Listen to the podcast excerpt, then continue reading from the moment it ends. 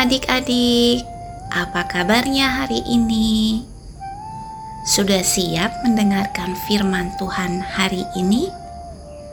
Pastinya sudah siap ya.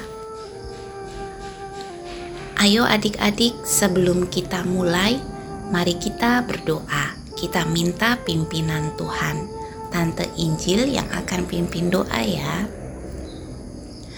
Tuhan Yesus yang baik, kami mau mendengarkan firman-Mu. Tolong sertai kami ya Tuhan. Terima kasih Tuhan Yesus. Amin. Pembacaan firman Tuhan hari ini diambil dari Kisah Para Rasul 9 ayat 1 sampai 19a. Tante Injil akan baca firman-Nya. Kisah Para Rasul 9 ayat 1 sampai 19a. Sementara itu berkobar-kobar hati Saulus untuk mengancam dan membunuh murid-murid Tuhan. Ia menghadap imam besar dan meminta surat kuasa daripadanya untuk dibawa kepada majelis-majelis Yahudi di Damsyik supaya jika ia menemukan laki-laki atau perempuan yang mengikuti jalan Tuhan, ia menangkap mereka dan membawa mereka ke Yerusalem. Dalam perjalanannya ke Damsyik, ketika ia sudah dekat kota itu, tiba-tiba cahaya memancar dari langit mengelilingi dia. Ia rebah ke tanah dan kedengaranlah olehnya suatu suara yang berkata kepadanya, "Saulus, Saulus, mengapakah engkau menganiaya aku?" Jawab Saulus, "Siapakah engkau, Tuhan?" Katanya, "Akulah Yesus yang kau aniaya itu." Tetapi bangunlah dan pergilah ke dalam kota di sana akan dikatakan kepadamu apa yang harus kau perbuat. Maka termangu-mangulah teman-temannya seperjalanan, karena mereka memang mendengar suara itu, tetapi tidak melihat seorang juga pun. Saulus bangun dan berdiri, lalu membuka matanya, tetapi ia tidak dapat melihat apa-apa mereka harus menuntun dia masuk ke Damsyik. Tiga hari lamanya ia tidak dapat melihat, dan tiga hari lamanya ia tidak makan dan minum. Di Damsyik ada seorang murid Tuhan bernama Ananias. Firman Tuhan kepadanya dalam suatu penglihatan. Ananias, jawabnya, "Ini aku, Tuhan." Firman Tuhan, Mari, pergilah ke jalan yang bernama Jalan Lurus, dan carilah di rumah Yudas seorang dari Tarsus yang bernama Saulus. Ia sekarang berdoa, dan dalam suatu penglihatan ia melihat bahwa seorang yang bernama Ananias masuk ke dalam dan menumpangkan tangannya ke atasnya supaya ia dapat melihat lagi. Jawab Ananias, Tuhan, dari banyak orang telah kudengar tentang orang itu, betapa banyaknya kejahatan yang dilakukannya terhadap orang-orang kudusmu di Yerusalem. Dan ia datang kemari dengan kuasa penuh dari imam-imam kepala untuk menangkap semua orang yang memanggil namamu.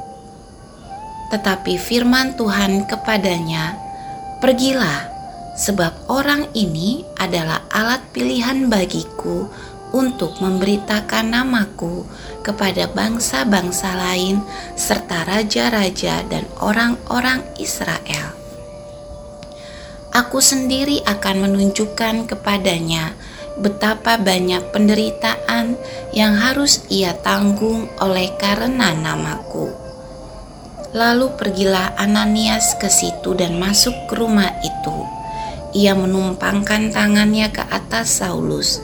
Katanya, "Saulus, saudaraku, Tuhan Yesus yang telah menampakkan diri kepadamu di jalan yang engkau lalui telah menyuruh aku kepadamu supaya engkau dapat melihat lagi dan penuh dengan Roh Kudus.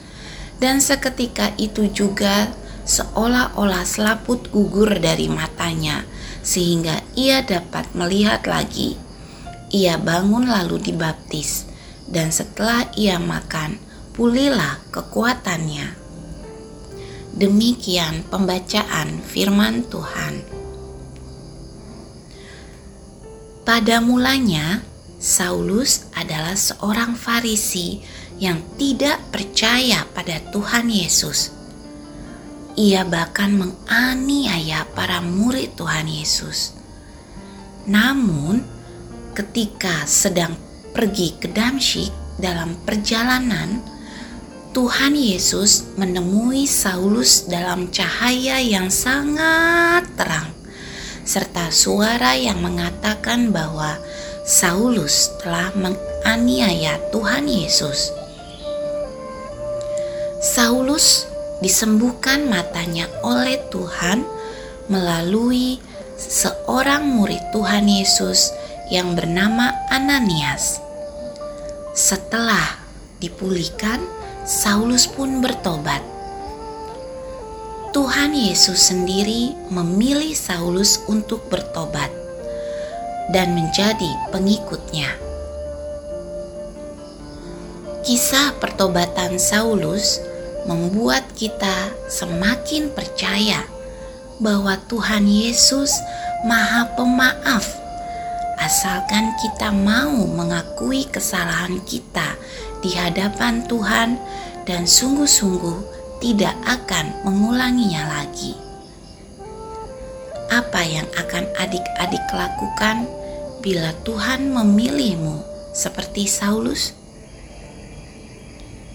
Ya, pasti adik-adik akan memilih bertobat dan menjadi pengikut Tuhan. Karena memang seharusnya kita sudah selesai dengan dosa karena kita sudah ditebus melalui kematian Tuhan Yesus di kayu salib. Oleh sebab itu, adik-adik, mari kita katakan dengan sungguh-sungguh, "Aku mau bertobat dan menjadi pengikut Tuhan." Sekali lagi, ya, kita katakan dengan sungguh-sungguh, "Aku mau bertobat dan menjadi pengikut Tuhan." Mari kita tutup renungan hari ini dengan berdoa.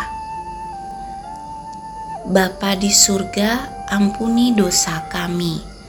Kami sering menyakiti hati teman kami, orang tua kami. Jadikanlah kami pengikut Tuhan yang setia. Terima kasih Tuhan Yesus. Dalam nama Tuhan Yesus, amin. Sampai jumpa adik-adik.